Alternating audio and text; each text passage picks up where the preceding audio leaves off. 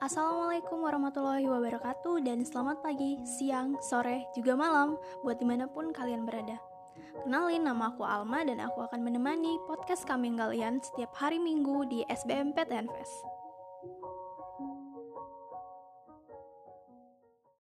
Nah untuk podcast kali ini kita akan melanjutkan pembahasan metabolisme pada minggu sebelumnya.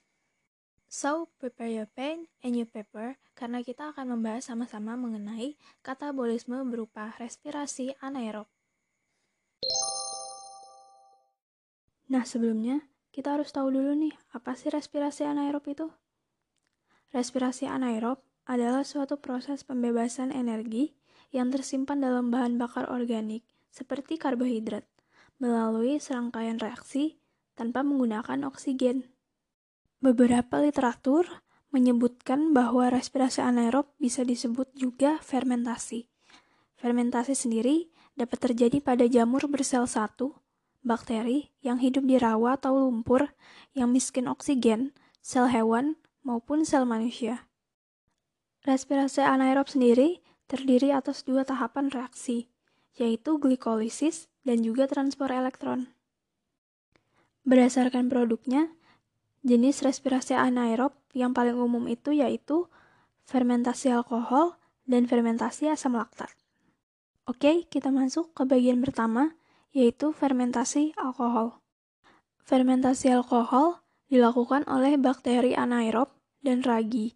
Fermentasi alkohol dapat terjadi pada proses pembuatan minuman anggur dan juga tapai. Jamur yang melakukan fermentasi itu contohnya seperti Saccharomyces cerevisiae yang digunakan dalam pembuatan tapai. Dalam pembuatan tapai, wadah harus ditutup rapat agar tidak ada oksigen sehingga jamur dapat melakukan respirasi anaerob secara sempurna.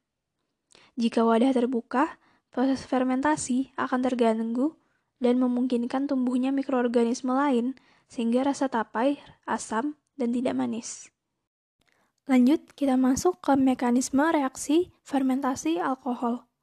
Yang pertama, ada bahan baku glukosa berkarbon 6 yang akan diubah menjadi asam pirufat berkarbon 3 melalui rentetan reaksi glikolisis sama seperti di reaksi aerob.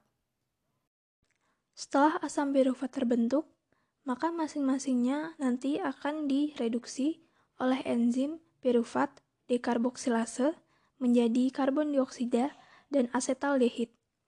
Karbon dioksida akan dilepaskan, sementara asetaldehid akan digunakan untuk proses selanjutnya. Selanjutnya, asetaldehid akan diubah menjadi etanol dengan mengambil gugus hidrogen dari NADH sehingga melepaskan NAD+. NAD+, akan masuk kembali ke dalam reaksi glikolisis, sementara itu asetaldehid akan berperan sebagai akseptor elektron. Jadi, hasil fermentasi alkohol setiap satu molekul glukosa, yaitu dua etanol, dua karbon dioksida, dan dua ATP. Selanjutnya adalah fermentasi asam laktat. Fermentasi asam laktat terjadi pada sel otot hewan dan manusia ketika kekurangan oksigen. Hal ini terjadi jika katabolisme gula untuk membentuk ATP melebihi dari pasokan oksigen dalam darah. Eritrosit bersifat anaerob dan menghasilkan asam laktat karena tidak memiliki mitokondria. Fermentasi asam laktat juga dilakukan oleh jamur atau bakteri, misalnya Streptococcus sp. Fermentasi asam laktat diawali dengan proses glikolisis yang akan mengubah glukosa berkarbon 6 menjadi asam pirufat berkarbon 3. Asam pirufat langsung akan diubah menjadi asam laktat dengan mengambil gugus hidrogen yang ada pada NADH dan melepaskan NAD+.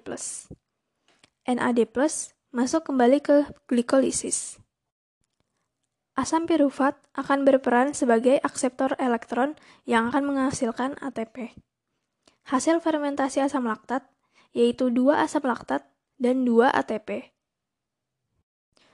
Penimbunan asam laktat pada sel otot dapat menyebabkan berkurangnya elastisitas otot sehingga menimbulkan kelelahan dan nyeri.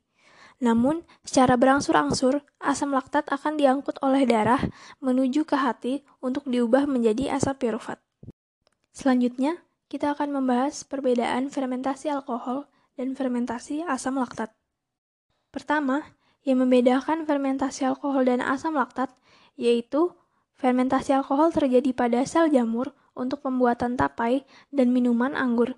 Sementara, fermentasi asam laktat biasanya terjadi pada sel otot hewan dan manusia, eritrosit, serta bakteri dan jamur dalam pembuatan keju dan yogurt.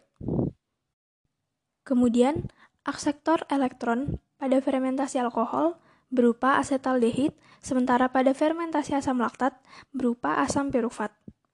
Dan juga hasil akhir fermentasi alkohol berupa etanol, sementara fermentasi asam laktat berupa asam laktat. Selain itu, respirasi aerob dan respirasi anaerob menghasilkan jumlah energi yang berbeda. Pada respirasi aerob, jumlah energi yang dihasilkan itu sangat tinggi, yaitu berupa 38 molekul ATP, sementara pada respirasi anaerob hanya berupa 2 ATP. Sekian, terima kasih telah mendengarkan podcast kali ini.